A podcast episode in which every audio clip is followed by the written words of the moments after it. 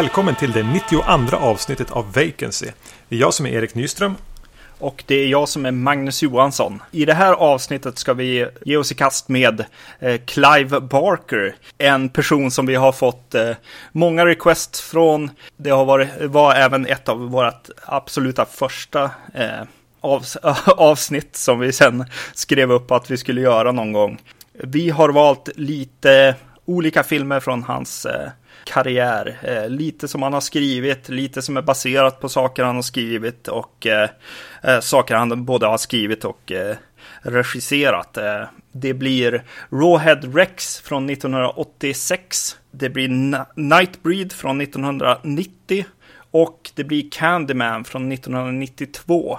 En av de första som eh, önskade ett avsnitt eh, med eh, om Clive Barker var en eh, lyssnare som eh, heter Filip Nell och han är med oss i programmet idag eftersom att vi har eh, låtit det här vänta i ett par, eh, nästan tre år nu mera.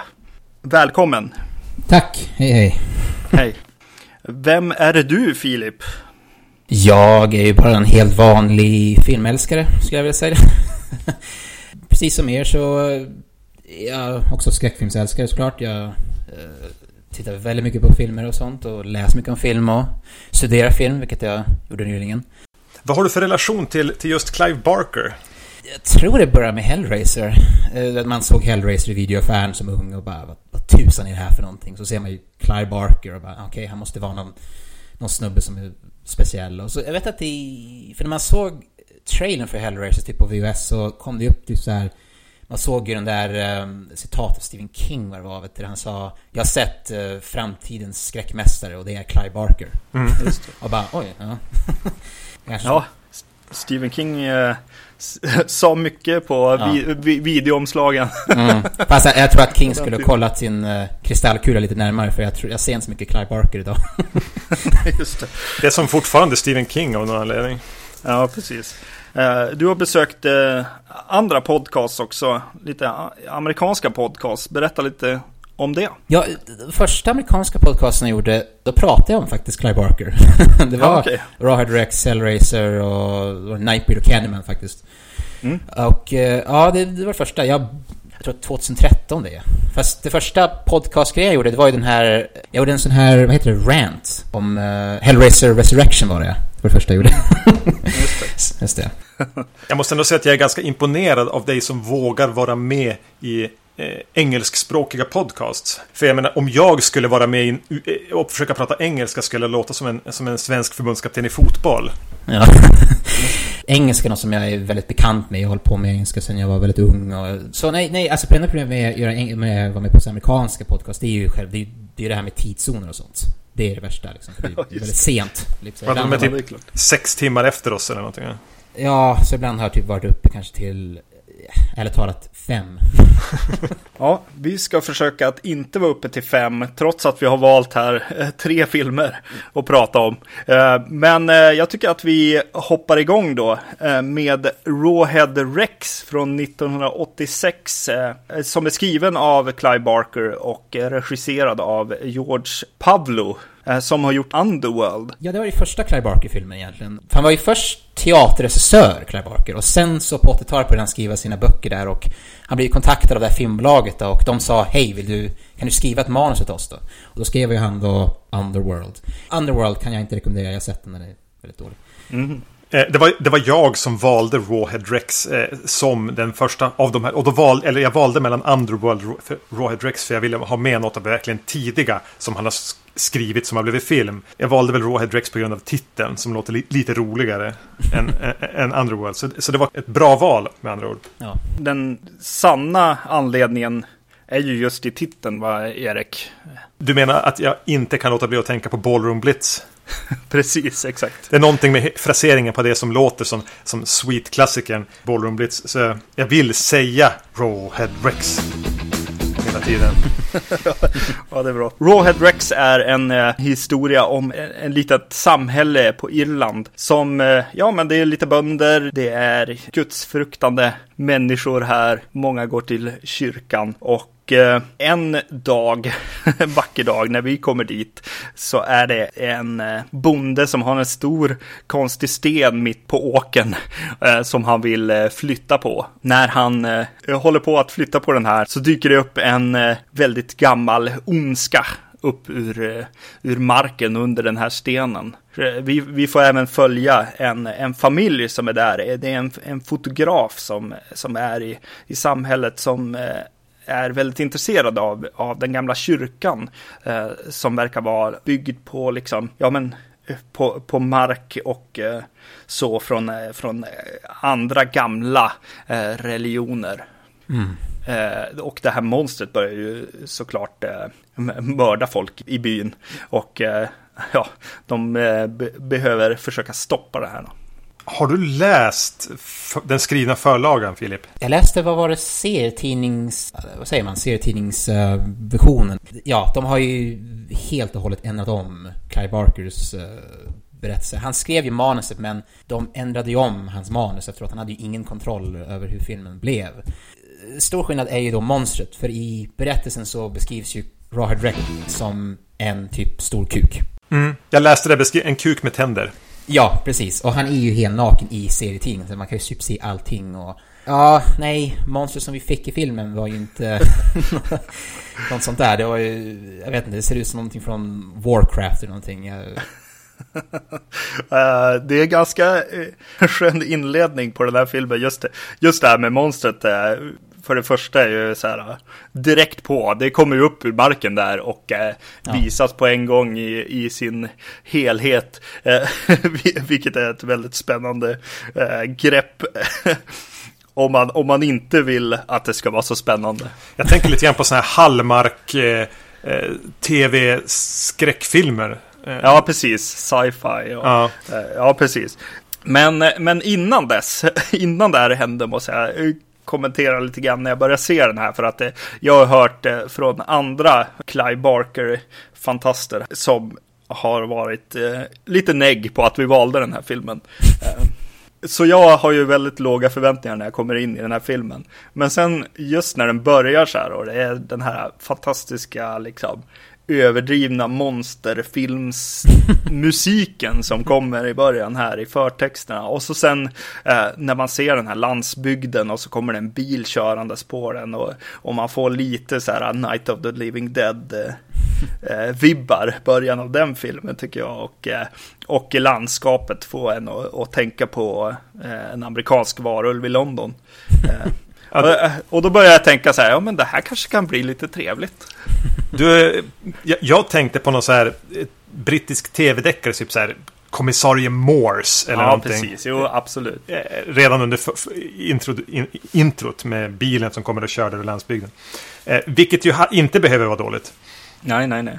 De ändrade ju, för jag vet i boken så, och i berättelsen så är ju utspelar i England faktiskt, inte Irland. Jag vet inte varför de ändrade eh, själva landskapet. Ja, det. det är underligt. Jag pratade ju här med han på den amerikanska podcasten, han är ju från England och han tycker att filmen var jätterolig för att han tycker att irländska är det roligaste språket. Just det. Så ja, det är svårt att ta det seriöst, man får höra det där med irländska språket i filmen. Det, det, det gör ju filmen väldigt rolig. Jag vet inte, det är någonting... Det blir, det blir en Monty Python-känsla. Mm. Monty Python står här i mina eh, anteckningar. Att man, jag, jag, jag, tänker på sekvenserna i Monty Python and the, The Holy Grail, tror jag, när de blir arresterade i slutet för att de har huggit huvudet av en tidigare i filmen. Eh, när de kommer in där poliserna med den där skräniga polisbilen eh, och det är väldigt så här kallt, naturligt ljusfilmat. Den vibben får jag. Eller Fawlty Towers när de är utomhus. Just det, ja. ja. Men, men precis, och sen dyker det här monstret upp och grejer. Ja, och de är i kyrkan och så eh, det finns en eh, Eh, Eh, ett fönster där som, som har en eh, målning på sig där, där det här monstret figurerar i, i, i den och så kommer det liksom in eh, eh ljuset från solen skapar någon slags nästan laserstrålar från ögonen här.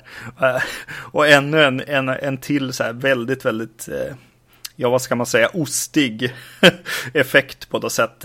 Väldigt cheesy, vilket känns Eh, också kände så här, ja men det är väl kanske den här Monty Python-känslan lite grann som jag får. Och samma sak med, med liksom den här stora stenen ute på åkern som liksom börjar glöda och det börjar blixtra och det kommer liksom eh, rök ur den och, och sådär. Det är, ja, det, är som lite så här små trevligt på ett jätte, jätteostigt sätt. Nu pratar om, eh, om det är Monty Python och så Fawlty Towers. När de är i kyrkan där och sjunger halleluja så tänker jag bara på Mr Bean. Ja, ja det gjorde jag med. Och särskilt när de parallellklipper mellan när de sitter och sjunger den där halleluja som man tänker på Mr Bean när han somnar i kyrkan mm. och hur de är ute och, och, och, försöker välta den här stora eller flytta på den här stora stenen. Eh, vilket jag, jag tänker bara, det här kommer jag aldrig att kunna ta på allvar. Känner man ju redan efter ett, alltså där. Och, och jättefumligt så här, parallellklippt också. Det är som ingen, ingen, inget flyt i det. Det är yxigt och, och, och, och brutala klipp. Mm. Nej, den här George Pavlo, han är ju ingen... Uh, ja, han är väl inte den bästa regissören. jag såg, jag var inne och klickade, på hans, klickade runt på hans IMDB och såg att han har något oväntat faktiskt, ett så här upcoming project. Jaha, eh, okay. Strange X heter det. Låter som ett arbetsnamn. Eh, han har inte gjort jättemycket, men han har inte gett upp i alla fall. Nej. Nej.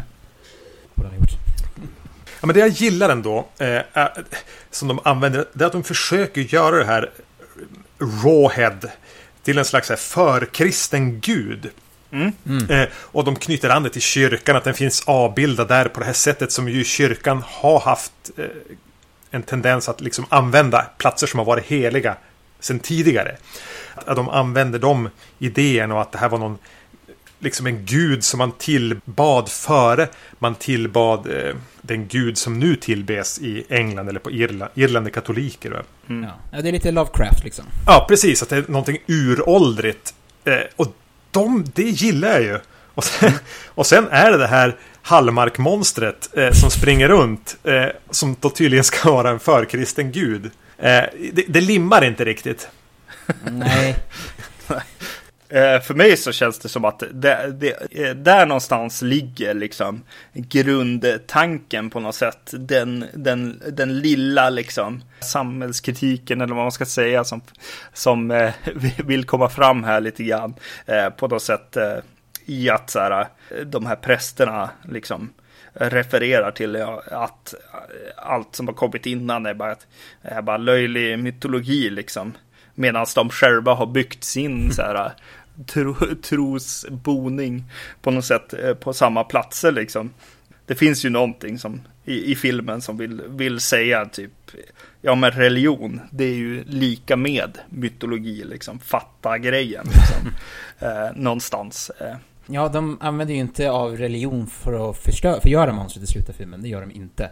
De, kommer inte, de tar inte fram något kors och sånt där liksom. Det är ju istället den här statyn som ska få... Mm, det måste vara en kvinna som håller i den. Ja, fast det är ju inte så det går till i berättelsen. mm. När det, om det är liksom så här religionskritik vi är ute efter, eh, då börjar jag tänka så här, eh, vill de även kritisera de eh, religiösa och de samhällsskikten liksom som tenderar att bli religiösa. Jag tänker på han huvudrollsinnehavaren eh, som är en liksom en eh, intellektuell konstnär egentligen. Eh, som kan komma in och eh, veta hur landet egentligen ligger. Och eh, ja, jag vet inte. Han kommer ju, kom ju in med en ganska taskig attityd mot eh, ortsborna också egentligen. Precis, och att kanske även filmen gör det kände jag lite grann. Ofta när jag, när jag under tiden jag såg den här filmen så tänkte jag på eh, att de är på, på en sån här trailer park. Mm. Eh, och att, att eh, det finns någon nästan kritik mot så här dumma fattiga personer som vänder sig till kyrkan liksom. Jag vet inte. Ja, det är allt det där väldigt flummigt, tycker jag. Och det är nog på grund av att de ändrade om Clive Barkers manus, känns det som. För boken handlar om Rawhead Rex.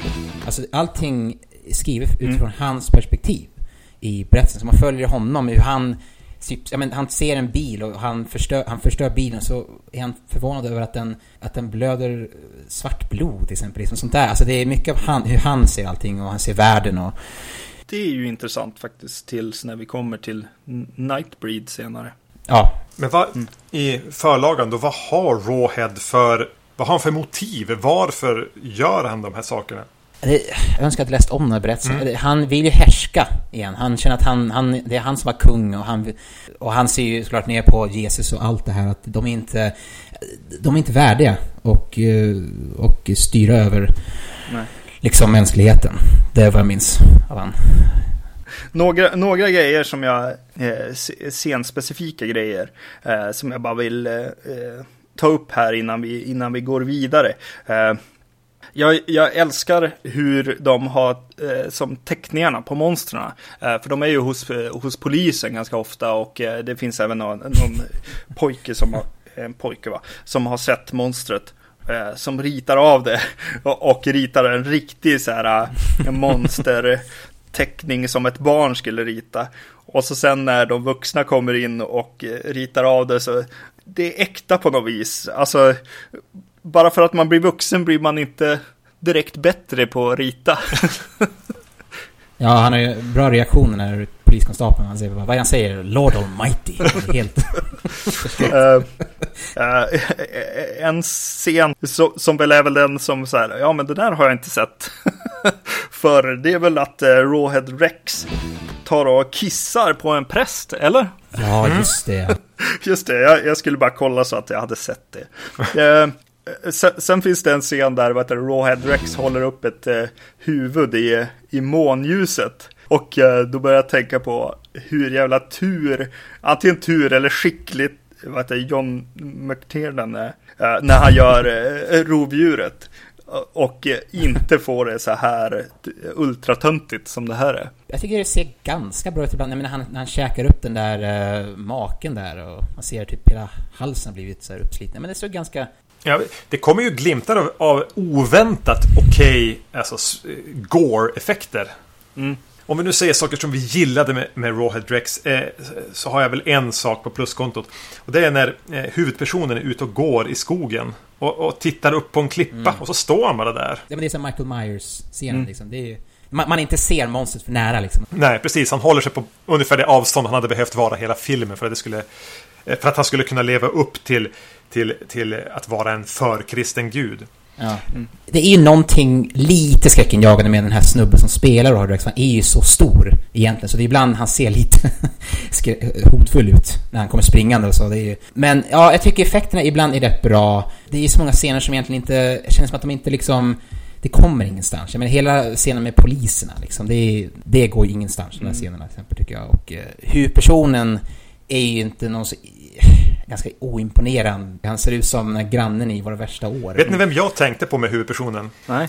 Eh, eh, Bad News Cruise från eh, fredagen den 13 del 7. Och det är väl sällan eh, ett plus om man eh, ska vara en hjälte.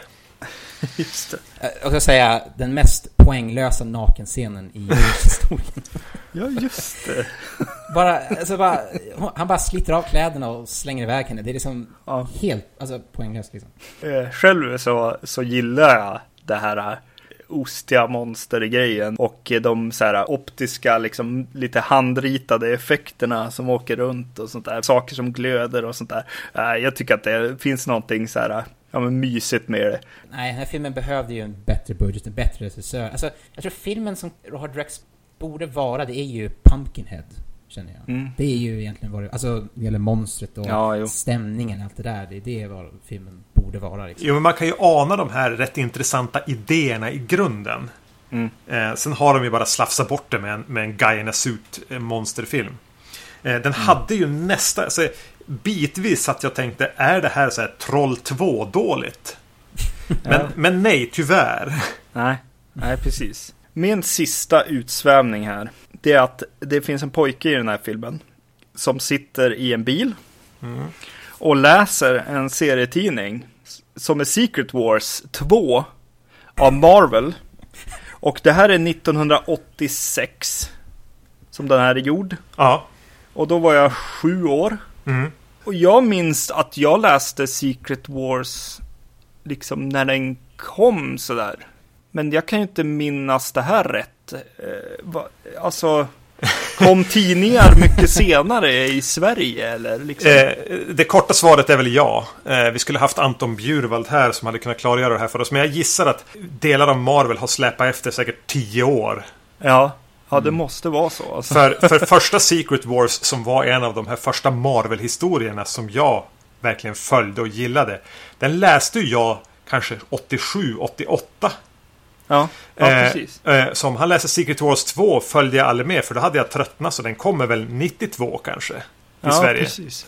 Eh, jag, så, jag såg att det var Secret Wars men inte att det var två. Ja, jo. Eh, ja, ja. Du har större var- TV än vad jag har. Det är väl det. precis. Yes. Ja, De kanske får dem tidigare i Irland. precis. Irland är tidiga med Marvel alltså. Mm. Om inte annat en lärdom att ta med sig från eh, Rawhead Rex. Exakt. Vi brukar ju ta kronologisk ordning på den här podcasten, men eh, i, idag så tänker vi att vi ska eh, vänta lite med Nightbreed eh, och ha det som huvudnummer i, i slutet för att vi vet att Filip gill, gillar den och har mycket kunskap om den. Så att vi, vi väntar lite med den och pratar om Candyman från 1992 istället. Candyman.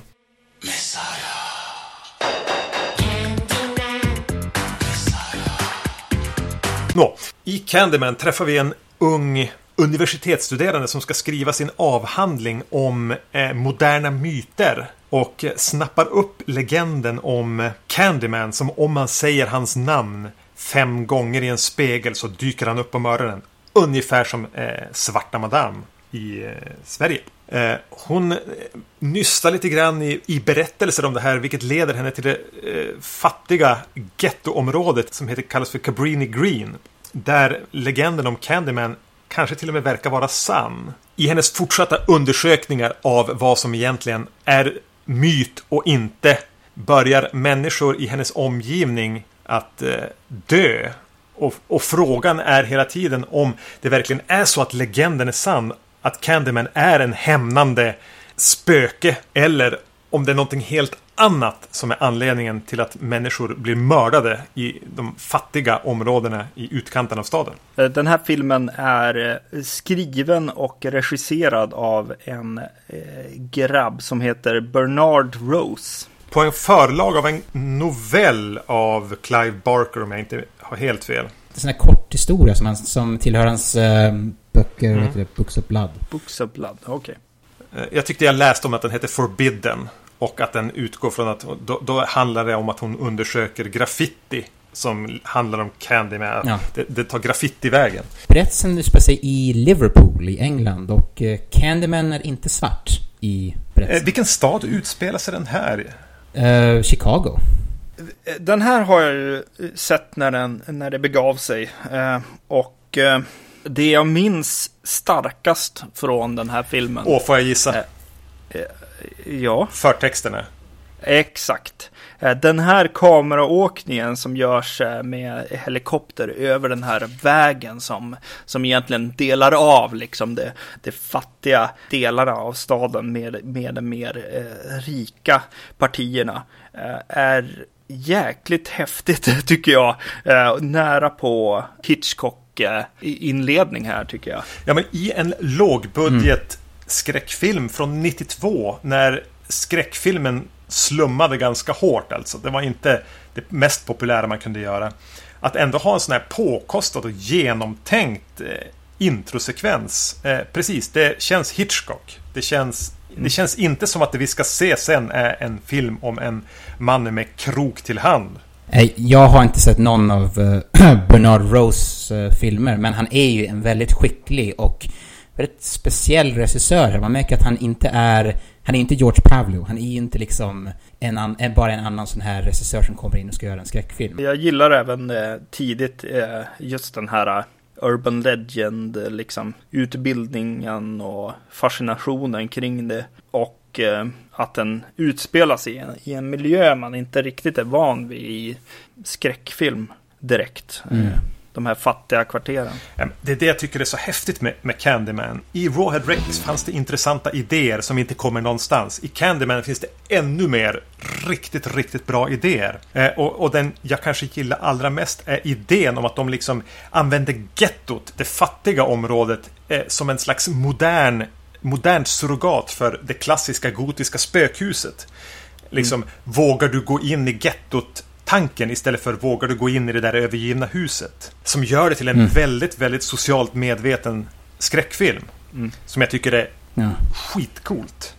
Ja, precis. Det är ju häftigt också. Alltså, jag börjar tänka så här, är de här syntkörerna liksom lite väl mycket när de, när de eh, gör några åkningar och visar lite hus i, i, i gettot här. Men det är ju inte det. Det blir ju, blir ju just som du säger, den här surrogaten liksom till spökhuset. Liksom. Mm.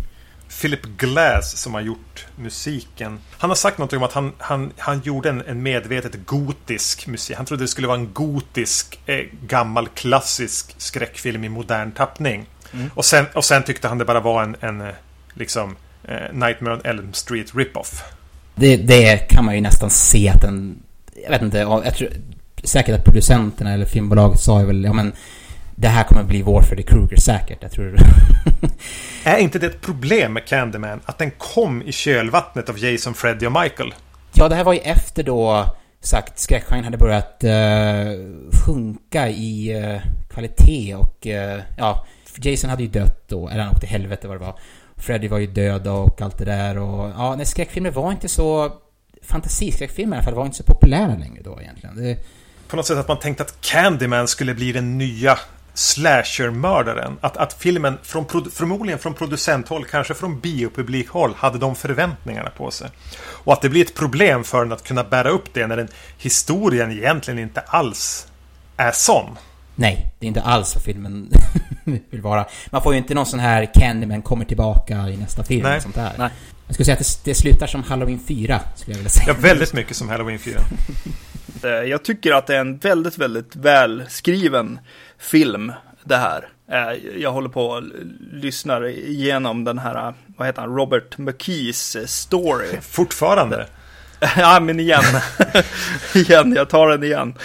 Och han skulle verkligen gilla det här manuset, kan jag ju säga. Det känns väldigt välskrivet och det, hela den här filmen känns som en sån här film där regissören är manusförfattaren och det funkar väldigt, väldigt bra. För han håller i sin historia väldigt bra och vet vilka scener som behöver vara kvar och, och, vart, vart saker och ting leder liksom. Och det, det finns liksom nästan eh, saker i ja men igen i Hitchcock-anda, i, i Psycho-anda i, i, i den här filmen. Saker som, som sägs i dialog eller ibland eh, tydligt skrivs på väggarna.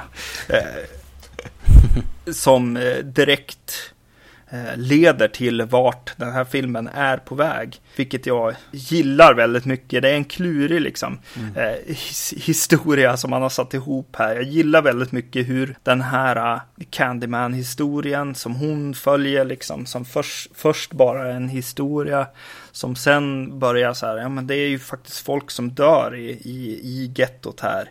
Och eh, det leder också till en konfrontation med en person, en mördare som ser ut som eh, Candyman som vi känner honom idag.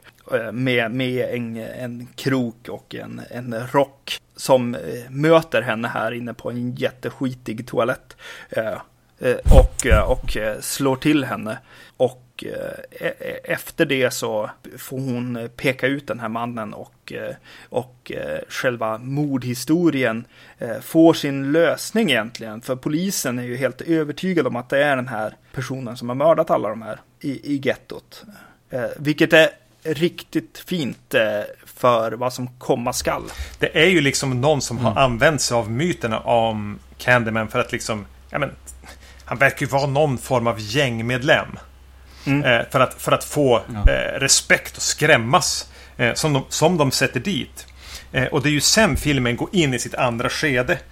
och eftersom vi ändå mm. spoilar här så är det ju där man kan välja en skiljelinje också. är det som händer efter att hon har blivit nedslagen och eh, identifierat den här mannen med kroken som slog ner henne på toaletten. Eh, mm. Är det som följer sen hennes eh, Eh, Helen heter hon ju, spelad av Virginia Madsen. Är det hennes psykos? Eller är det verkligen den eh, Candyman från myten som kommer fram eftersom hon har varit med och punkterat liksom, illusionen om att han finns? Eh, precis, och, eh, och jag tycker det är ju härligt med det här äh, som händer henne. För hon, eh, utöver att, eh, att saker händer i hennes liv, som eh, hennes liv håller li, lite grann på att rasa samman. Hennes man är förmodligen otrogen med, med, med yngre kvinnor. eller med en yngre kvinna. Och hela den här historien håller på att liksom nöta in sig i henne. Och sen att hon får även det här äh, slaget mot huvudet. Mm som, som eh, på något sätt för mig säger någonting om att det, det förmodligen är, är hon som, eh, som är orsaken till vidare liksom, våld. Du nämner ju att allting står skrivet på väggarna. Ja, precis. Candyman skriver mm. till och med. It was always you, Helen. Mm. Ganska tydlig liksom, vink till att, att saker och ting ligger till så, vilket är en jävligt mysig grej. Det är precis som typ, ja men psycho-dialogen egentligen. Min mamma, hon, hon är inte riktigt sig själv idag. Hon är harmlös, hon är precis som en av de där uppstoppade fåglarna. Mm. Man skulle, men man kan ju också tolka det som att det är, allting händer i övernaturligt. Och när han säger uh, It was always you Helen, jag menar, för när jag först såg filmen då tolkade jag det som att, ja men han, han älskar väl henne? Mm.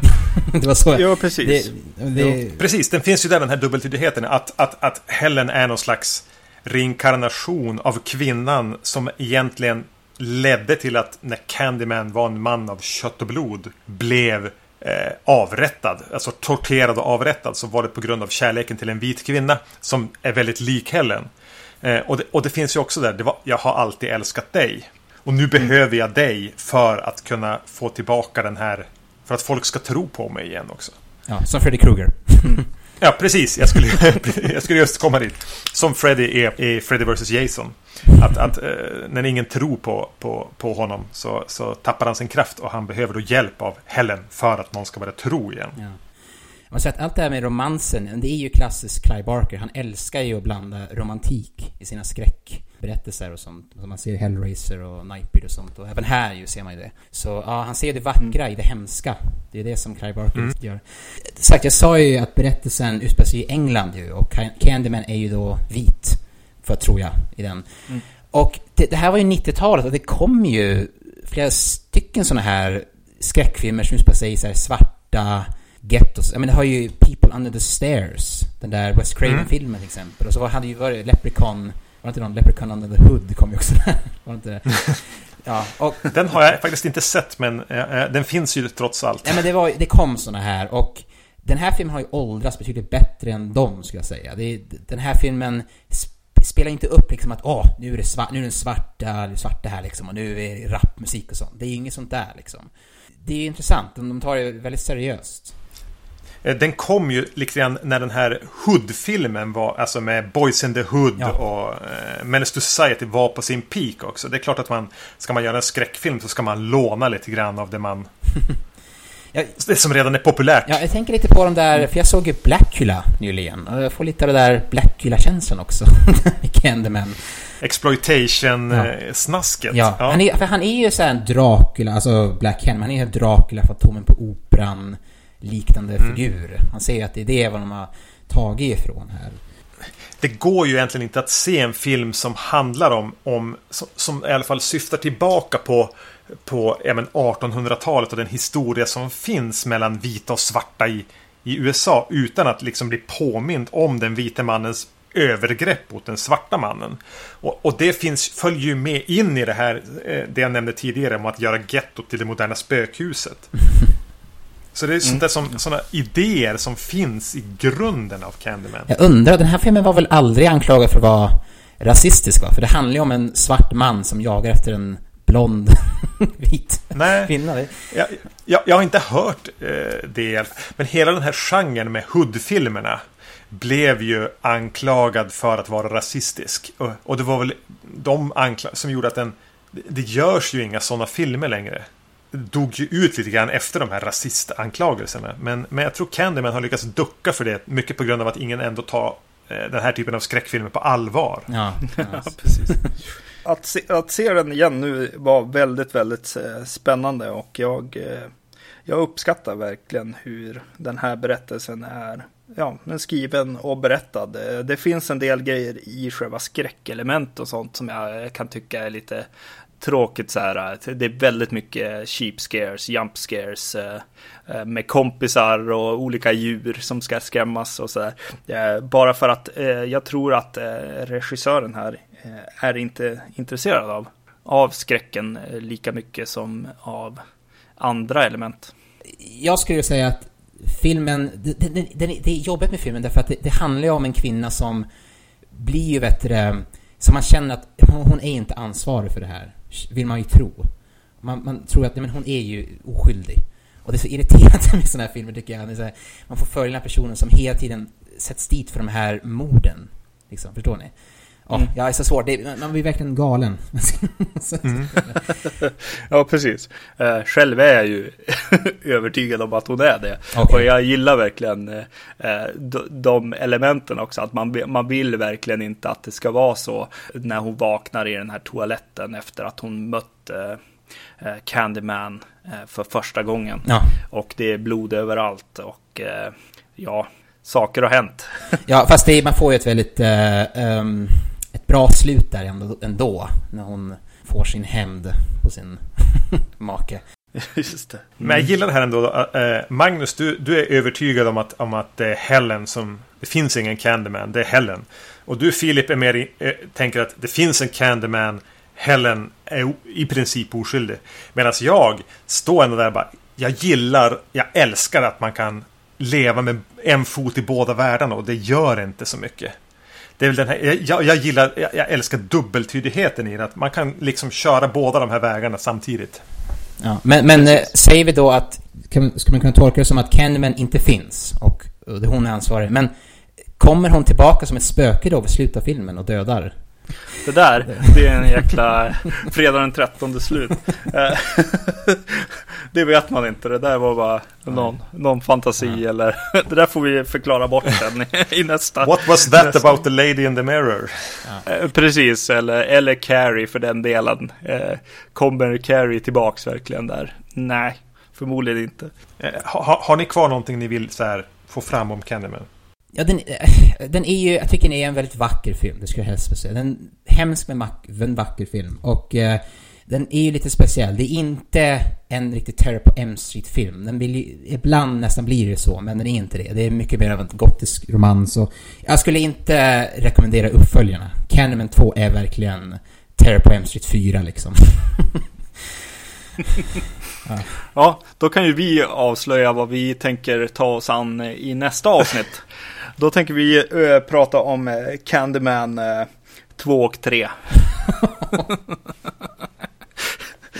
Eh, för att jag blev så intresserad av, av vart de här tar vägen. Jag, jag, jag vet att jag har förmodligen sett båda de filmerna eh, vid något tillfälle. Men eh, eftersom att jag anser att det här är en ganska bra liksom, skriven historia som är en film.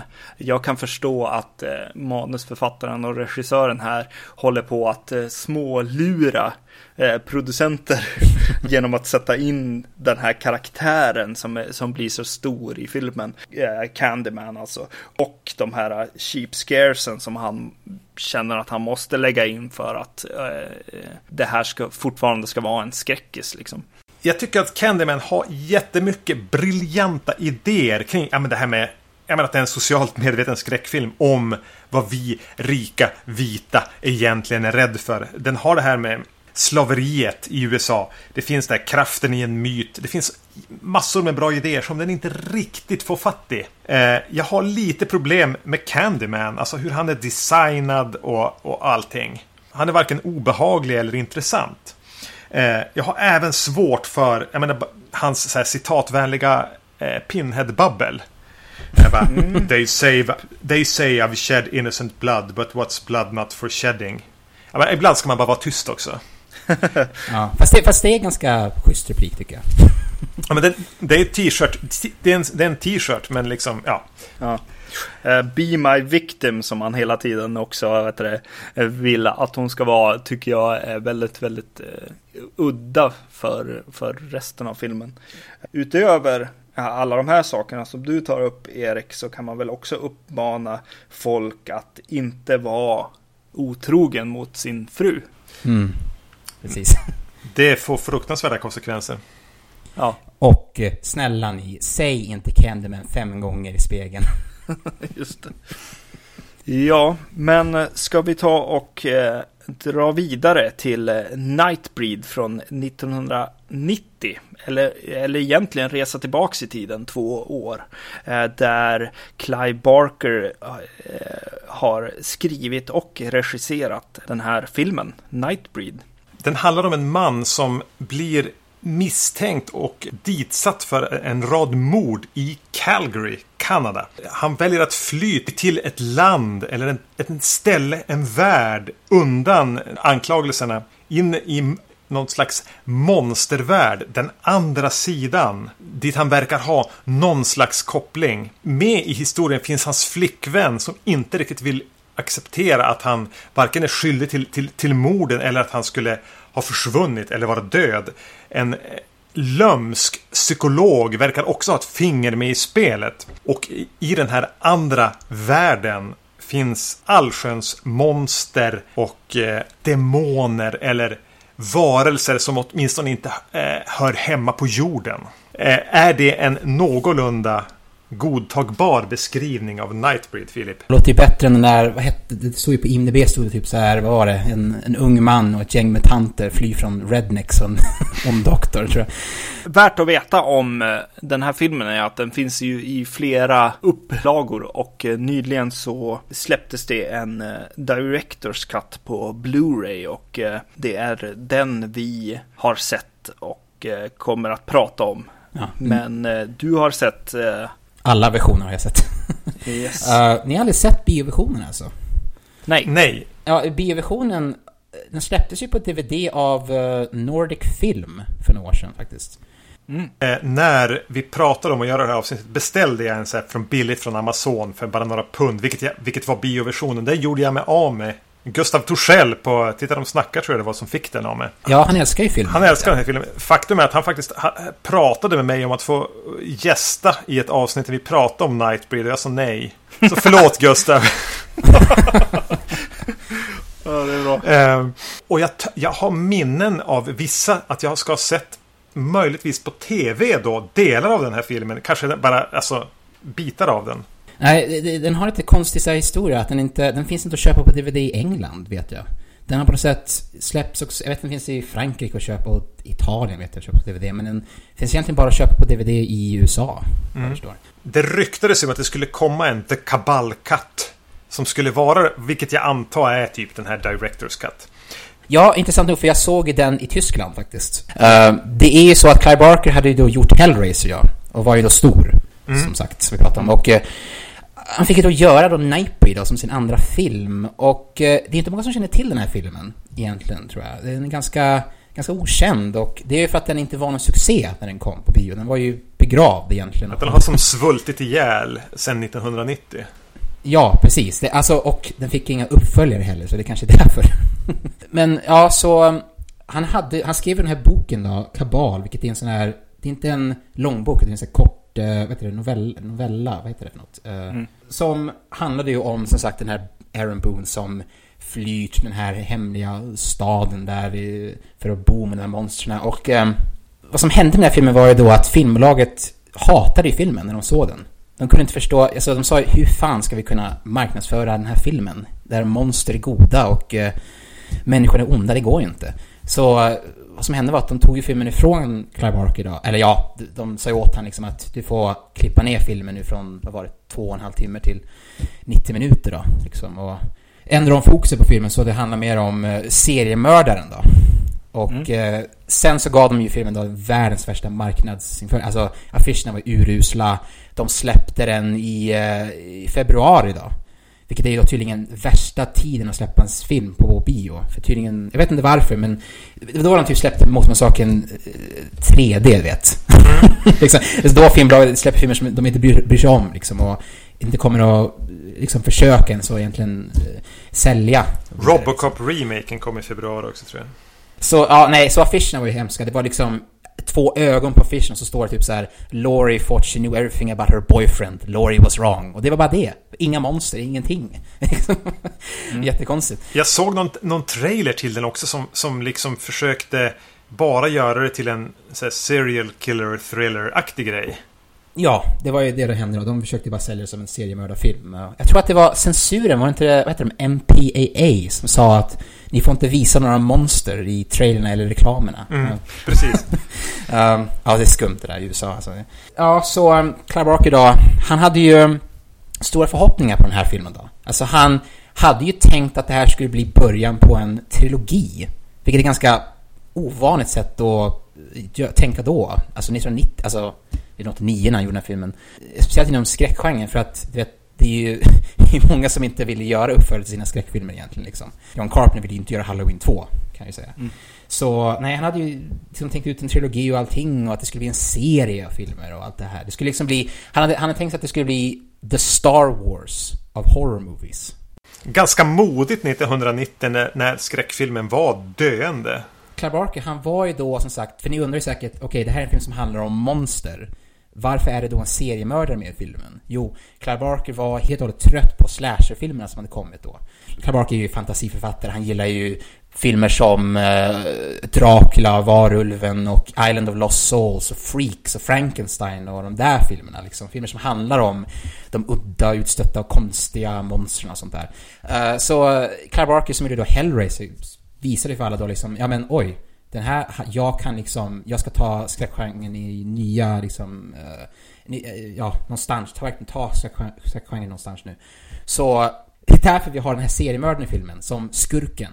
Alltså det är ju själva slasher-genren som slåss mot monstergenren här i filmen. Mm. Det är det vi får se här liksom. Mm. Och eh, som sagt, i filmen som ni såg nu, Director's så besegrar ju då vårt monster, slashen där ju, seriemördaren. Men vad som hände i bioversionen var ju då att den här karaktären, ska jag spoila liksom? Ska jag göra det? Ja, Absolut. Ja. Okay. Är det i slutet av bioversionen så, så det här slutet var ju Clive Barker var tvungen att filma då, så har vi då den där prästen som sitter mm. där i kyrkogården, alltid, allting brinner och allting. Och han har kroppen, David Cronenbergs kropp hängande där med masken på. Och han tar den här blodet av guden Baphomet och trycker in Han säger sin den här repliken uh, They, they uh, burned me master and I wanna burn them back, säger han. Och så trycker han in sin Det är en sån här videodrom-referens. Han trycker in sin, sin uh, arm genom hans uh, David Cronenbergs kropp där och, och han kommer tillbaka till liv. Och prästen säger då halleluja, halleluja och filmen slutar. Och det var så bioversionen slutade. Clive Barker, alltså han måste ju verkligen ha liksom ha slagit, alltså verkligen bara vara, oh, gud, det här är inte filmen jag ville göra. liksom. Så så, så det vi eh, hör nu är alltså att vet, Clive Barker har en vision, ja. eh, blir eh, motarbetad av producenter och går tillbaks och filmar den här scenen där genren som han hatar vinner. Ja, ja, han kommer tillbaka. Alltså, han försökte ju ta de här, han fick ju något ante anteckningar av filmbolaget säkert.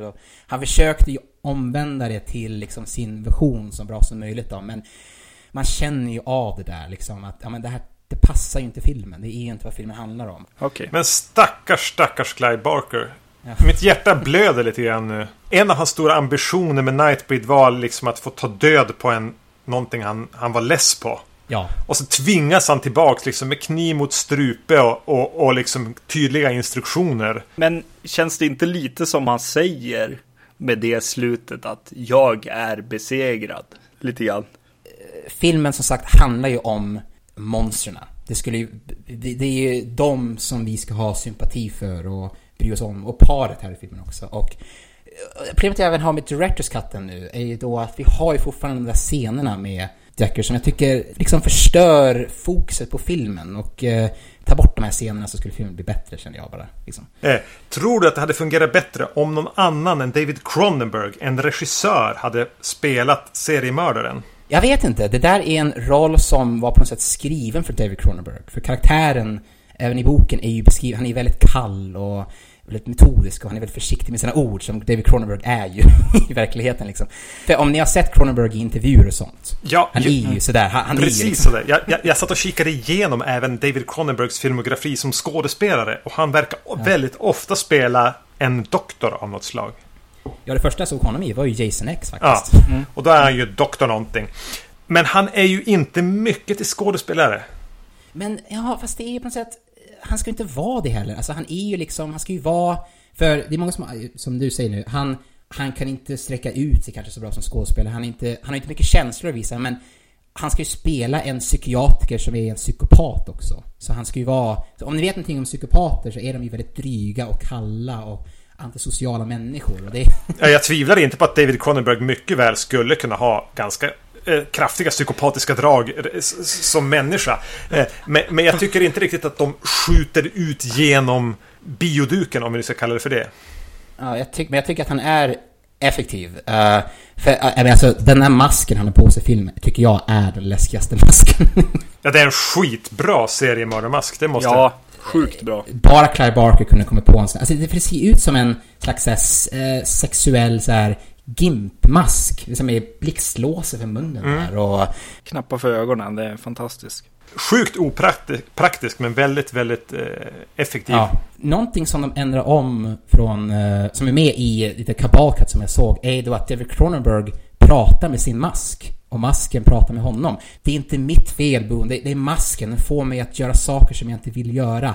Att masken pratar med honom och säger åt honom att mörda barn och sånt liksom. Och, vilket är obehagligt i boken, för Clabarker beskriver det verkligen i detalj hur han blir kåt på att mörda liksom. Att han liksom, det spelar ingen roll om det är en gammal gubbe som pissar på sig, om det är ett barn. Han blir kåt på att liksom bara få mörda folk. Det är så bra i slutet av eh, filmen, ni har inte sett den versionen men när de invaderar Midian där mm.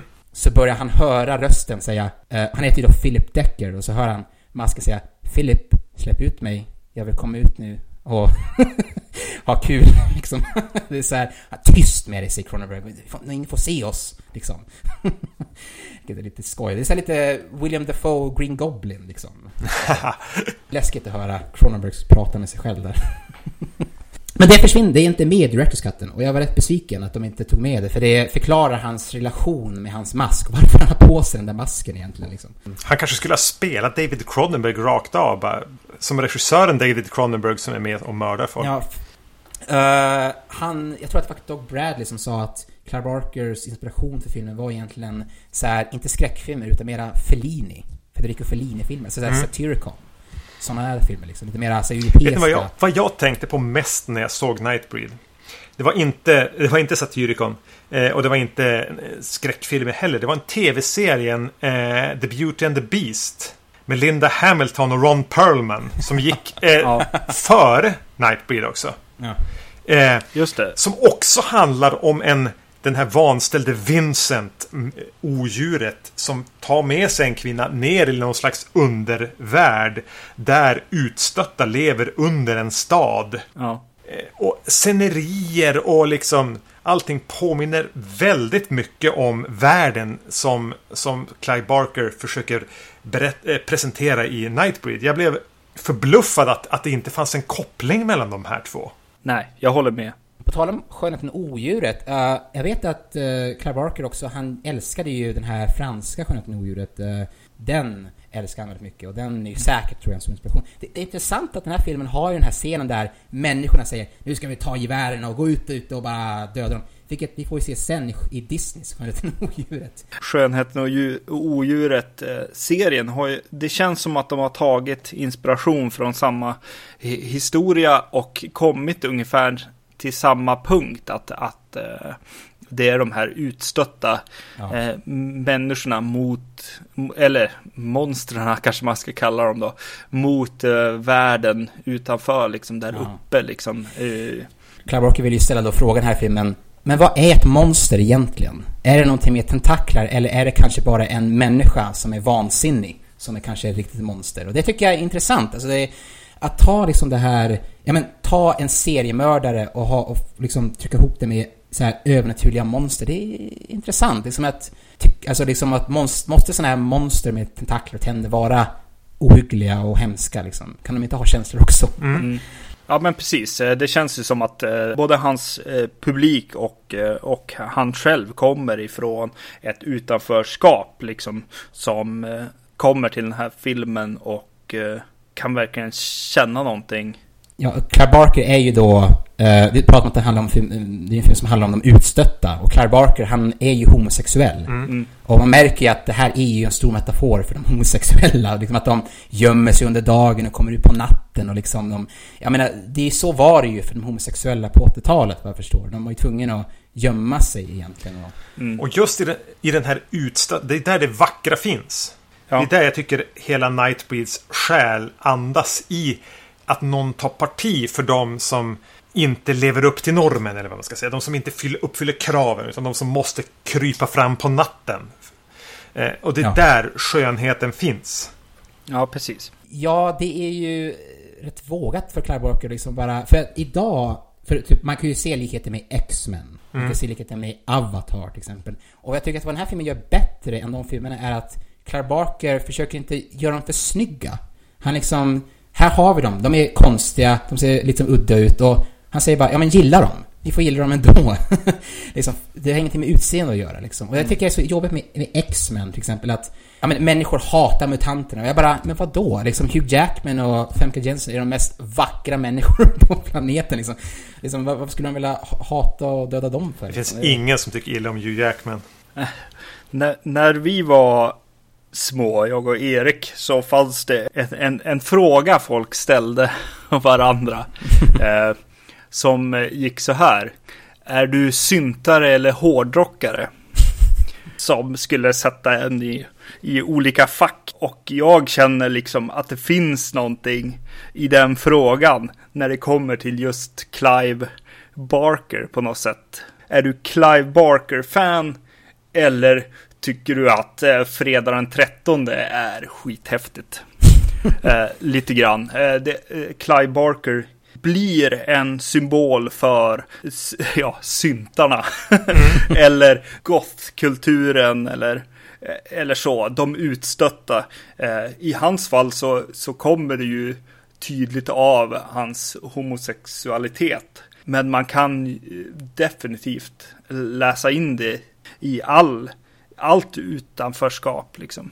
Han typ skapade nästan den här vet du, goth-rörelsen med Hellraiser. Mm. Så han talar till de utstötta ju. Det känns lite som att frågan, är du syntare eller hårdrockare också är, är du introvert eller är du extrovert liksom? Lite grann. Filmen kan ju tala inte bara till homosexuella, han talar också till någon som är, som är utsatta för rasism eller bara för att vara udda. Jag har ju alltid varit väldigt udda själv och jag har alltid varit anklagad för det, typ när jag gick i skolan och sånt. Att jag är så konstig, jag tycker om det där och det där liksom. Och mm. Jag passar aldrig in. Och jag tycker det är skönt att det finns den här idén om att, ja men, det finns en värld där vi kan bo i. Alltså det utsatta kan bo i och man kan accepteras för exakt vad man är liksom. Jag menar, mm. Elefantmannen skulle kunna bo där liksom. liksom och inget problem alls. Ja men det, det är fint, tycker jag. Det är väldigt uh, fin berättelse och det är så synd att filmbolaget inte kunde förstå det här. Vilket är så här bara av alla skräckfilmer som behöver en uppföljare så behöver ju Nightbreed. ja men den slutar ju med ett punkt, punkt, punkt. Alltså de står där i den där ja. ladan liksom och, och väntar ja. på nästa steg. Hur lång är The, The Cabal Cut ungefär? Är den längre än, än Directors Cut som nu finns på Blu-ray? Alltså, de gjorde ju flera versioner. Det var ju så att de hade ju... De, när den först, de hade först gjort den versionen, då var den ju typ såhär två timmar och 30 minuter och sånt där. De hade ju flera visningar och de började klippa ner den och ner den. För mm. att eh, de fick ju svar tillbaka som sa att det här är för långt, den här är för lång då. Så jag såg ju då version 6 som var väl då två timmar och kanske två timmar och 15 minuter skulle jag tro. Men jag så, vad jag såg var ju då, okej, okay, jag kan se om de bara restaurerar det här filmmaterialet ja men då kommer vi kunna få se Clara Barkers vision, liksom hans vision. 2000 14, 13 så sa de ja men nu har vi gjort ett avtal med Screen Factory, vi ska släppa den på Blu-ray och allting och, och sen fick jag höra från en eh, mullvad i Clive Barkers eh, eh, eh, säger man, eh, inom Clive Barker som sa att, men hörru du, de har hittat filmmaterialen nu, vi kommer inte behöva den där VHS-banden längre. Jag bara, ja men,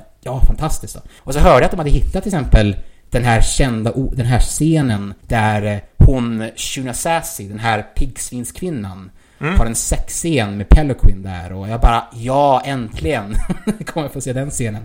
Ja, sen fick jag höra det, det tråkiga, vilket var ju då att vi har, hit, vi har inget ljud till de här sportklippta scenerna. Vi har bara ljud från VHS. Banden då. Så det blev ju då jobbigt för att typ att de har, de hittar scener som inte finns på VHS-banden då. Så de kunde inte använda dem. Liksom. Förstår ni? Mm. Så när de gjorde den här Directors Cutten, vilket när jag såg den så tyckte jag bara liksom, vad var det där? Var det här Directors Cutten? Jag var liksom, det där var inte vad jag såg i Tyskland. Jag var liksom, vad är allt Europa som jag hade sett liksom i Uh, den hade Cabalcat. Och jag snackade då med han som hade gjort The Cabalcat, Russell Sherrington. Uh, och han var ju själv besviken med The Director's Cut faktiskt. Mm. Han är kompis till Clive Barker. Han sa problemet var att de hade inte, de hade inte någon mycket tid och pengar för att göra Director's Cut. Och jag tänker bara, ja det är väl så. För de hittade ju den 2014.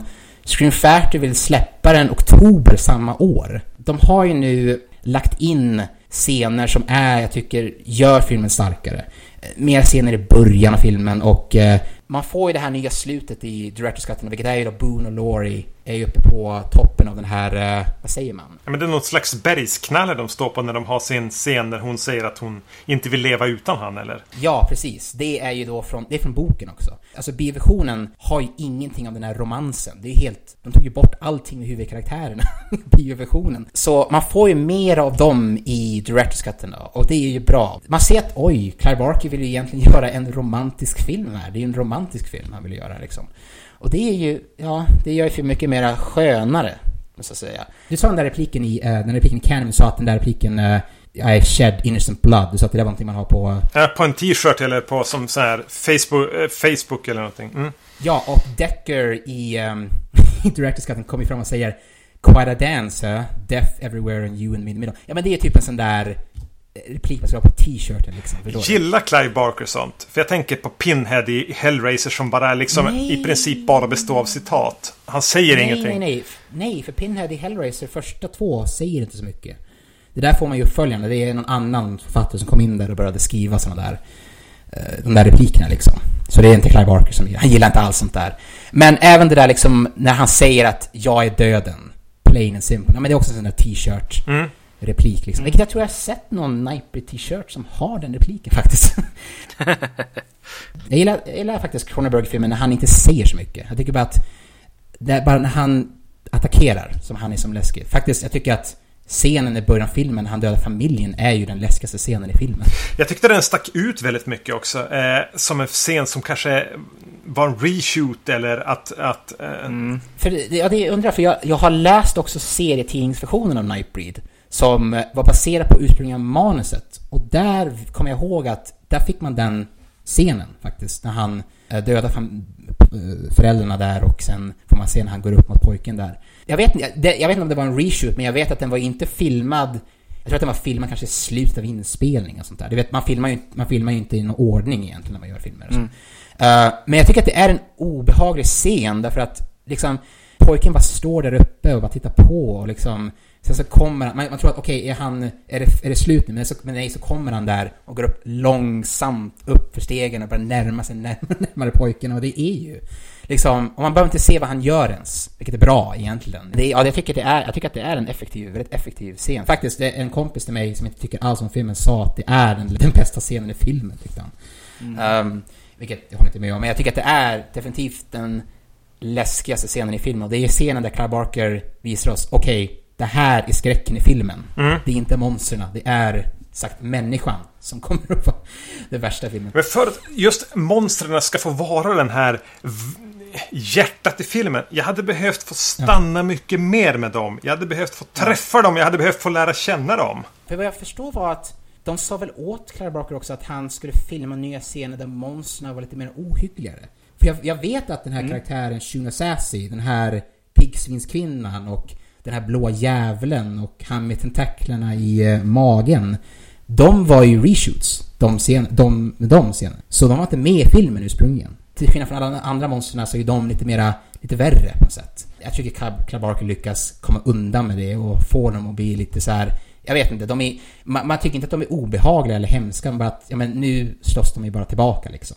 Fast de är ju lite för, för jag håller ju... jag kommer ju snart till min fan-edit jag vill prata om också, Nightbreed. Där jag tycker att man kan ta bort dem egentligen från filmen. I alla fall de där, han med tentaklerna i magen, han blir lite för...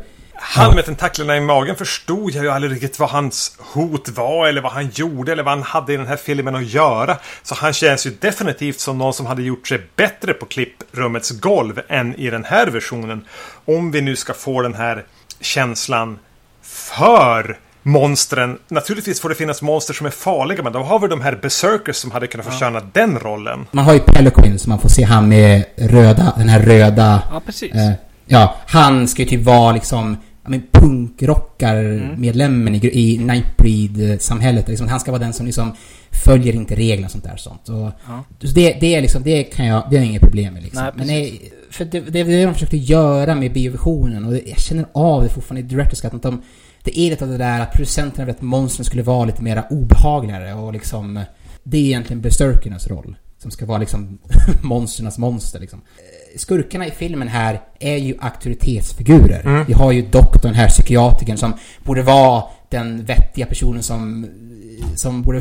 Men han är ju den galnaste personen i hela filmen. Och sen har vi polisen då som... Och det här kan vi ju inte se i filmen idag poliser som skjutgalna och... men de eh, får ju liksom med sig hela bygden också. De drar med sig hela samhället. Folket blir liksom som eh, mindless drones här. Alltså, eller... Ja, de är, de är fulla och de har druckit och bara, ja men nu går vi ut där och tar, ut, tar reda på de här, vet du det, konstiga personerna som bor där ute. Jag önskar att, jag tror att det var mer av det, av det i, um, i boken och i manuset, vet jag. Vad som händer i manuset är att kaptenen säger bara Ja men nu ska, kom igen jag behöver frivilliga, vi måste åka ut där nu och reda ut, det finns, det bor där ute så här satanister och såna där konstiga liksom så här freaks där. Det är ju en scen i The Kabalkat där uh, Inspector Joyce väntar och uh, de här andra tre poliserna väntar på att det ska komma då, kavalleriet då liksom. Uh, vad heter han? Petin, den här konstapeln säger jag sa åt dem att ta med bensin, vi ska bränna ut de där jävlarna. Och så säger Inspector Joyce då har inte du tänkt på att vi, det, här, det vi gör här kanske helt är fel? att vi kanske håller på att utrota en hel ny ras här kanske? Och så säger han, polisen där bara, ja men du såg ju det där, den där, den där saken där borta. Något sånt där kan ju inte få leva. Han är inte, det är inte normalt det där. Och så säger inspektören bara så här, de kanske bara är annorlunda. Och så säger polisen, är inte det skäl nog att döda dem? bara, helt bara liksom bara, ja men vadå, det är väl... ja. Ja, men det, det blir ju till, det, det är också vad jag såg i The Cabal, The Cut i slutet av filmen när de börjar skjuta ner alla monstren. Det är ju värre i The Cabal Cut. Det blir ju som en scen ur... Ja, men många har sagt att, så här, att slutscenen, alltså striden där, är som en actionsekvens. Men i The Cabal Cut så blir det som en scen ur Schindler's List. När de bara, liksom, de bara skjuter ner alla monstren. Och det, är som en, det blir bara... Jag tänkte på att det var ganska tydliga nazikopplingar där. Att det skulle kännas som en, som en utrotning snarare än en actionsekvens. Ja, det är ju jävligt vågat att ta upp sånt där. Jag menar, det här var ju innan liksom Schindler's list kan man ju säga liksom. Innan allt det där. Så det är ju, innan X-Men liksom och allt det. Så det är ju, ja, det är ju rätt vågade grejer här som Clive Barker gör. Eh, men jag ser hela tiden vad han försöker. Jag, jag kan, jag kan he, genom mm. hela Nightbreed läsa hans ambitioner. Ja. Eh, lite grann som jag var inne på i Candyman, att det, det är en film full av fantastiskt bra idéer. Eh, som oftast slår igenom, ibland inte riktigt får de tag i dem. Jag kan i hela Nightbreed se liksom, jag förstår vad Clive Barker ville göra. Men frågan är om eh, eh jag får två frågor kring den. Och den första är, eh, skulle han dels kanske ha låtit det vara en tv-serie? Eh, vilket han kanske inte hade möjlighet att göra. Men det här känns som ett, en värld han hade behövt få mer speltid på sig att, att utforska och undersöka och berätta om. Och för det andra eh, skulle han kanske inte ha regisserat den. Ja. Ja, jag vet inte. Alltså, för när jag tänker på en Nightbreed remake så kommer ju upp så här. Ja men såklart, Guillermo del Toro ska ju göra Nightbreed nu. Om någon ska göra en Nightbreed-film. Vilket är så här, jag kan inte hitta en enda intervju med del Toro där han nämner en snart. Det känns väldigt märkligt för jag tänkte väldigt mycket på Guillermo del Toro när jag såg den här. Eh, det borde vara liksom etta på hans lista. Ja, det är, ja, det är skumt. Men jag vet inte, Clive Barker, han är en... Hans, för det, det är så, den är så olik Hellraiser. Vilket jag tycker är intressant, för Hellraiser är typ en slags jäkla Lucio Fulci-film skulle jag vilja säga. Ja men eh, Hellraiser är väldigt liten. Ja, men också så här obehaglig, har mycket så här likmaskar och sånt och... ja men mycket så här Lucio Fulci, så här italiensk skräck. Och det här är mer fantasy. Ja, Tim Burton möter liksom... Jag vet inte, Sam Raimi kanske? Mm.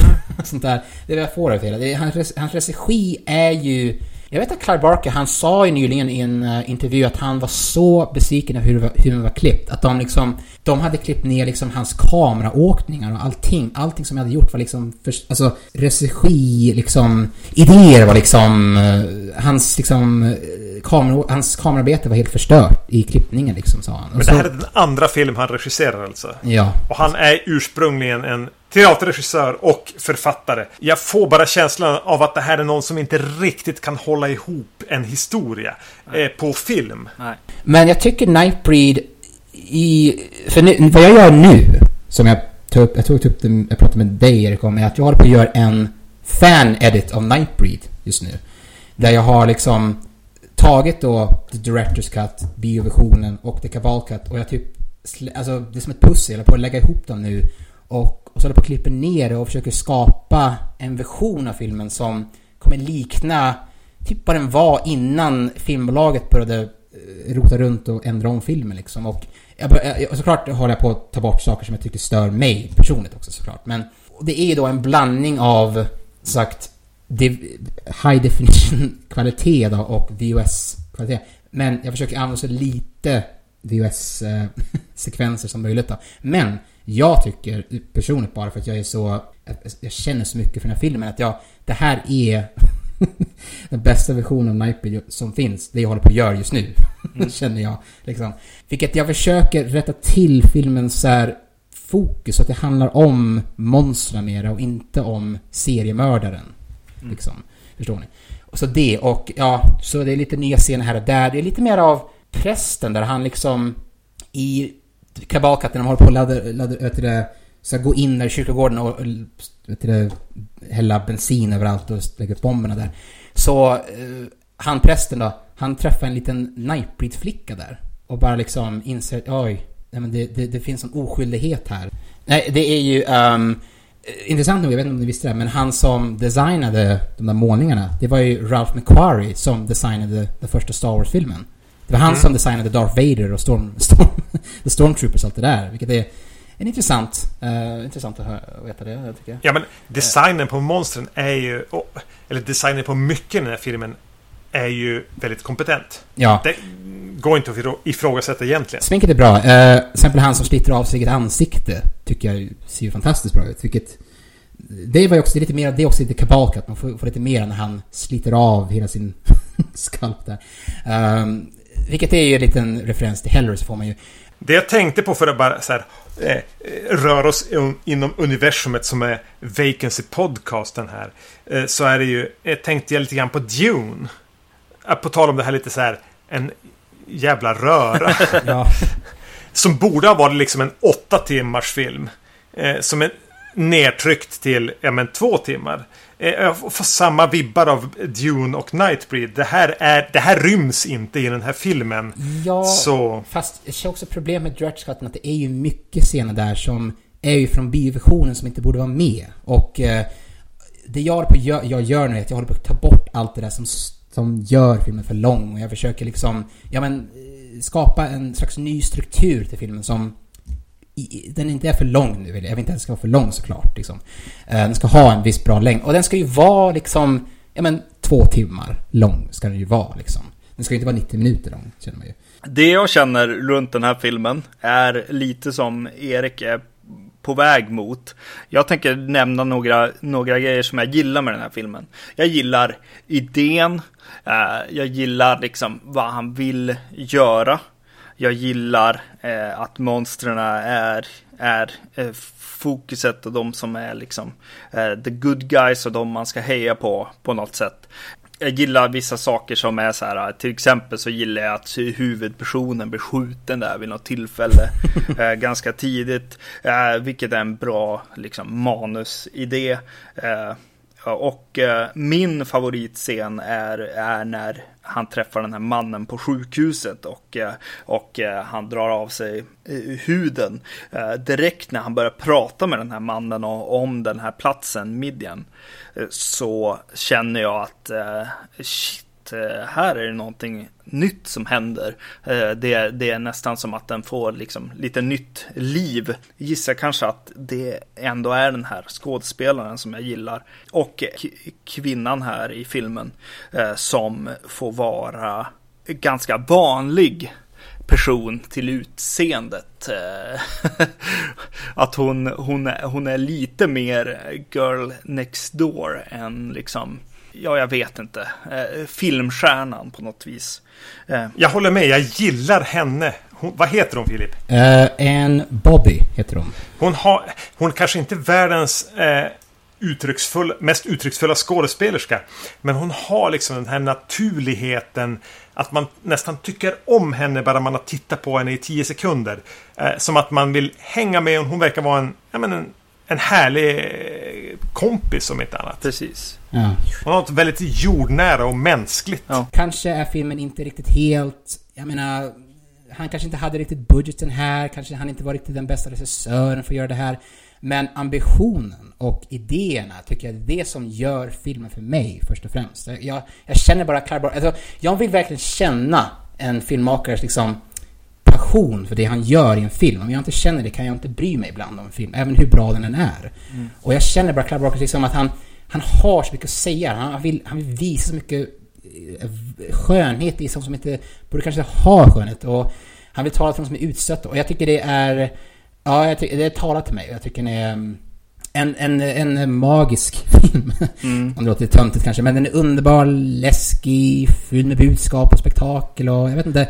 Det är en unik film. Mm. Det är ju en väldigt speciell film. Det här med tv-serier, de har ju pratat om att göra en tv-serie faktiskt. Ja, men det är det jag säger. Det här är en tv-serie. Det här är någonting som behöver åtminstone 12 avsnitt, ah, 52 mm. minuter. Ja, det, det, är nog möjligt. Um, vi kommer nog kanske, jag menar, jag har sagt jag håller på att göra min version av Nightby, men vi kommer kanske egentligen aldrig riktigt få se hur filmen borde ha varit. Men här vill jag komma till eh, mina negativa delar av, av filmen. Jag eh, jobbar i, i en bransch, jag jobbar i spelbranschen som är någon, någon, någon, slags eh, konstnärlig bransch som har deadlines, precis som, som filmer har och de har, vi har eh, en budget att hålla oss till. Och den här filmen är för, eh, han, han vill för mycket med den här filmen och kan inte göra den som det irriterar mig väldigt mycket när jag, när vi, när jag jobbar på ett, ett spelprojekt som är så här. Ja, vi ska göra allt det här, men det finns ju ingen chans att vi kan göra det.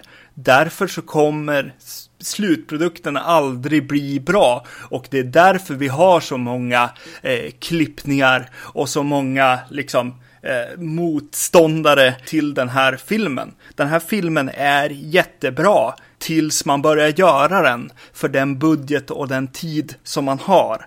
Och framförallt skulle jag säga att Clive Barker är riktigt, riktigt dålig som regissör för den här filmen eh, i slutändan. Vi har sett det i det här avsnittet att den här mannen ska inte regissera sina filmer. Det blir otroligt billigt. Det blir alldeles för ljust. Den här scenen som du pratar om när han attackerar familjen är riktigt amatörmässigt filmad ända till slutet när han kommer och går mot, mot eh, pojken här. Eh, det är bra, men det är jättedåligt fotograferat, alldeles för ljust, dålig regi och väldigt, väldigt trött scare när hon öppnar den här kylskåpet och stänger den. Det, det, liksom, det har vi sett tusen miljarders gånger. Redan 1990 borde vi ha sett det. Ja, precis. Och eh, jag tycker att det är väldigt, väldigt trävande liksom hantverk och regi. Det känns som det är någon som jobbar i helt fel medium som har gjort den här filmen. Och jag kan inte förstå varför det är Midian Toontown från Roger Rabbit, liksom. Varför är allting bara eh, ritat, liksom.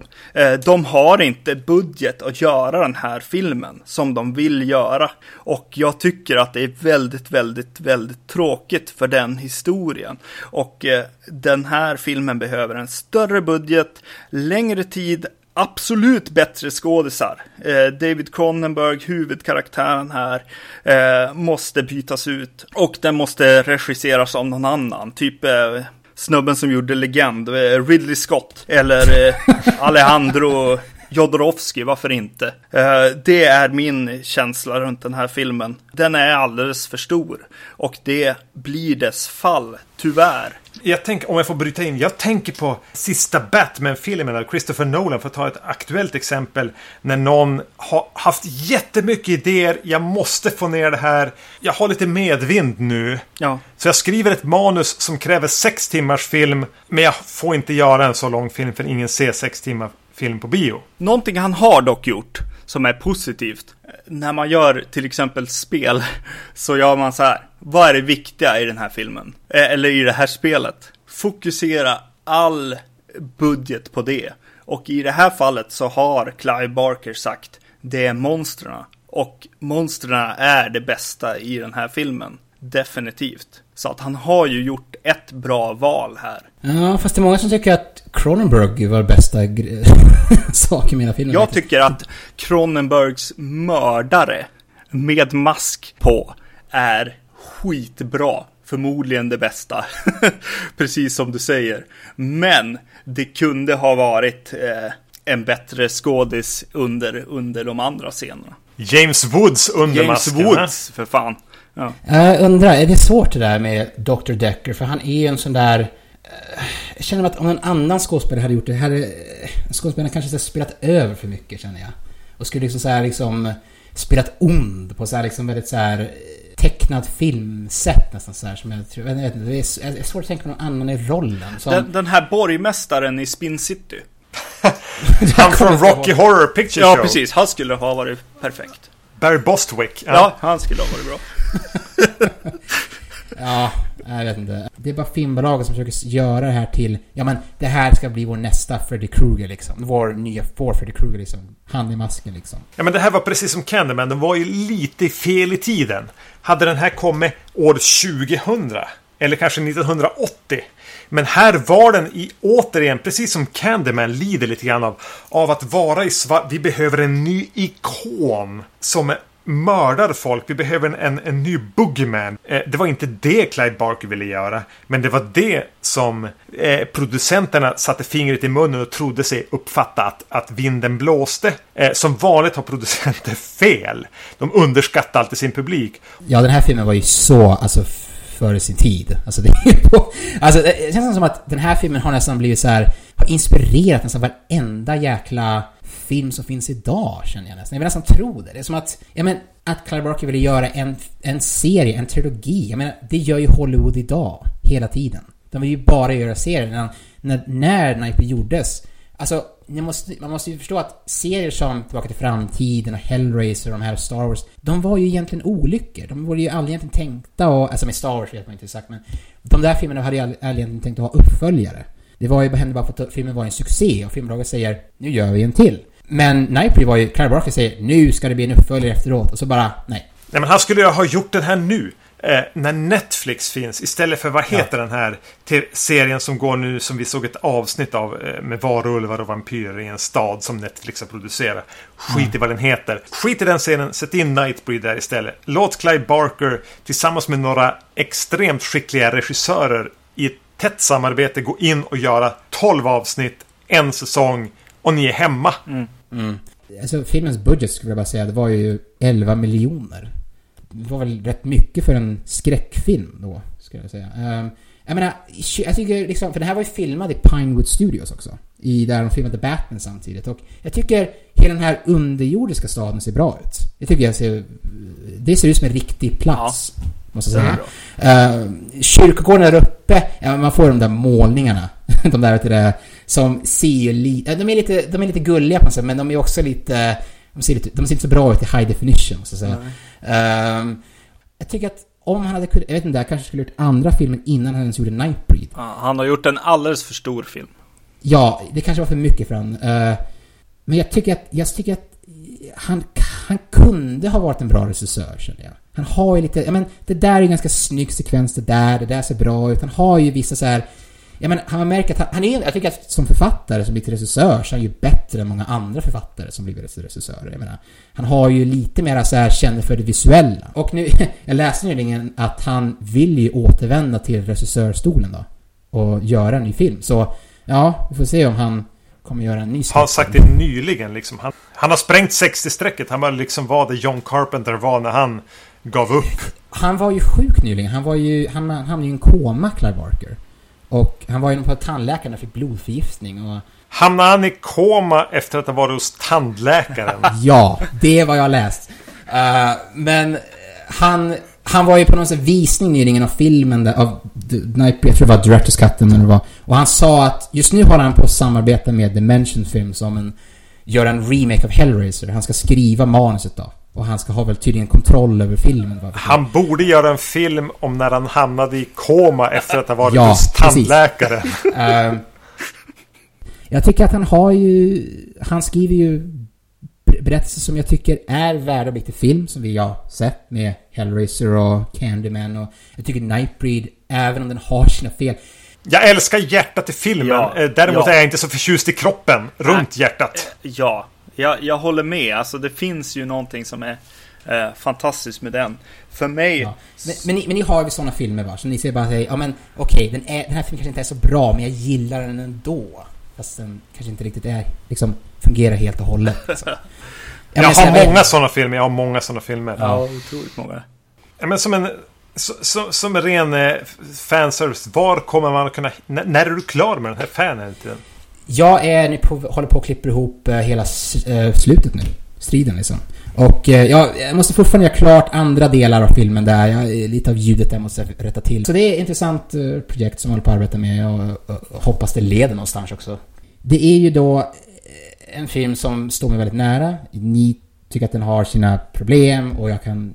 Jo, den, jag har svårt att vara, kritisera filmen. Jag är så nära den nu så att jag har på något sätt lite det är inte min film, men jag känner nästan som att jag, jag äger den på något sätt. Mm, precis. ja, men det är ju skönt.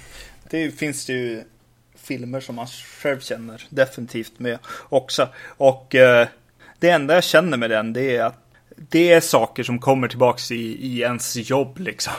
Som någon som utvecklar liksom sådana typer av projekt med, med många människor och, och mycket pengar och mycket tid. Eh, eller ja, beroende på. Då. Eh, det, det, det, känns som ett projekt som är fantastiskt. Men som också inte skulle ha gjorts. på ett sätt eh, känner jag lite grann. Det borde vara en bok eller, eller något annat. Om man inte har råd, tid eller folk att göra den. Så ja, nej. Eh, jag... Jag, kan känna, jag, jag kan känna en liten så sorg i att, att Clive Barker gjorde den 1990. Han, han, han, spelade kortet då. Han la fram sin trumf då. Mm. Och inte nu. När han kanske hade kunnat få, eller, få göra den på ett helt annat sätt. Eh, in, eh, nu, nu, pratar jag inte effekter. Men just att, att han har inte hittat mediet för sin idé. Nej, precis. Han skulle och jag återkommer till det jag sa tidigare. Han skulle ha gjort den här som en, som en serie på Netflix eller HBO. Eh, 8 till 10 avsnitt och han hade kunnat ha en fantastisk skräckfantasy-odyssé. Om han hade gjort eh, liksom fått växa in i regirollen och gjort mindre projekt som var genomförbara så skulle han definitivt i dagsläget ha varit en, ett mycket större namn. Ett namn som kunde leva upp till Stephen Kings eh, uttryck om honom. Ja, men, men, han är ju en bättre regissör än Stephen King kan vi ja, säga. Men, ja, ja, ja, det, det köper jag. ja. Men, men han, är, han hade kunnat vara skräckens framtid. Eh, som Stephen King sa då. 87. Det här avsnittets eh, absoluta favoritfilm blir för mig Candyman. Och sen tycker jag att Rawhead Rex gör sin grej eh, och vet vad fan den är för någonting. Och jag tyckte att Nightbreed inte kom fram. Och jag tycker det är jätte, jätte, jättesynd. För jag tycker att det är en fantastisk historia som behöver sitt utrymme. Och jag tycker att själen och hjärtat som han ger den applåderar jag. Men det kommer inte fram för mig i alla fall. För mig. Jag... Vi, kan, eh, eh, vi får göra det till eh, avsnitt när vi har sett din fan edit. Eh, för jag står i samma, på, på samma position eh, som jag och Magnus har en tendens att göra väldigt ofta.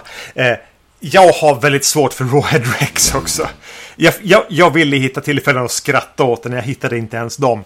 Jag gillar massor av grejer i Candyman. Jag tycker inte riktigt den får ihop det med det. Nightbreed var en salig röra. Som jag sa, Dune eh, är den bästa referenspunkten jag kan hitta tillsammans med tv-serien Skönheten och odjuret. Mm. Idéer, eh, hjärta och själ, men, men inte riktigt hantverket. Och jag vill se när allting faller på plats bara. Ja, jag ska säga då, uh, Rawhead Rex är ju en, jag menar det är ju en riktig så här B-film, ja, en kalkonfilm, en monsterkalkonfilm.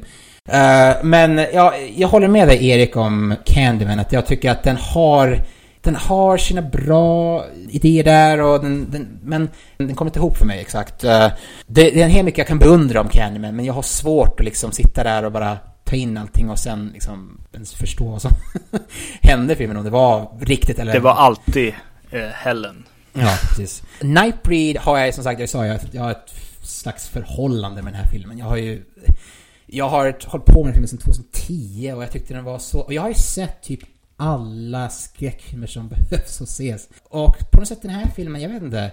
För mig är det just den ultimata filmen för mig bara. Det är någonting fruktansvärt vackert i det också. Alla ska vi ha den här filmen som är den som blir så tätt eh, sammanvävt med den vi är att vi inte kan skilja på den och oss nästan. Vi ska ha någonting som vi kan gå upp i. Det är ju det ja. det handlar om. Mm. Eh, och, och jag avundas dig lite grann din kärlek till Nightbreed. För för mig finns den inte. Nej, det är svårt. Alltså det är... Uh, men sagt, det, det, ja, ja, jag har ju som förhållande med filmen. Och jag kan typ inte sitta där och attackera skådespelarna. Jag är liksom så här... Jag blir allt för nära filmen på något sätt kanske. Men, ja, men det, blir, också, det blir som att kritisera sina egna föräldrar. Alltså, man, det blir för nära. Man, man vill inte göra det. Eh, de är ju de de är, oavsett om jag kritiserar dem eller inte. Ja, Nej, jag älskar den. I alla fall. Innan vi lämnar måste jag, ska jag säga förlåt till eh, Thomas som har gjort eh, musiken till den här, eh, till våran podcast också. Eh, han, eh, han var lite nervös vad jag skulle tycka om, eh, om de här filmerna och han hade väl helt rätt. Eh, tills nästa gång så hittar ni oss på vacancy.se. Ni kan kontakta oss på podcast.vacancy.se via e-post eller skriva till oss på Facebook. Eh, vi finns även på filmsajten som jag är med och eh, driver som heter filmfenix.se. Tills nästa gång då vi alltså kommer att stifta närmare bekantskap med Candyman i form av Candyman 2 och 3. Yes. Hör jublet från publiken. Just eh, så får vi väl bara önska er eh, en eh, fortsatt trevlig vår. Yes. Mm. Adios! Ha det bra, hej då. Tack Hejdå. Filip. Hejdå.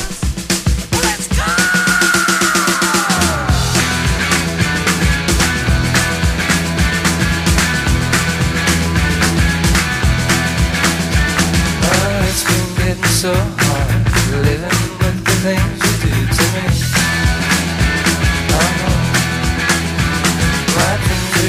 so strange. I like to tell you everything I see. Oh, I see a man in the back. As a matter of fact, his eyes are as red as the sun. And the girl in the corner, let no one ignore her. Cause she thinks she's the passionate one. Oh, yeah, it's like lightning. Everybody was frightening. And the music was soothing.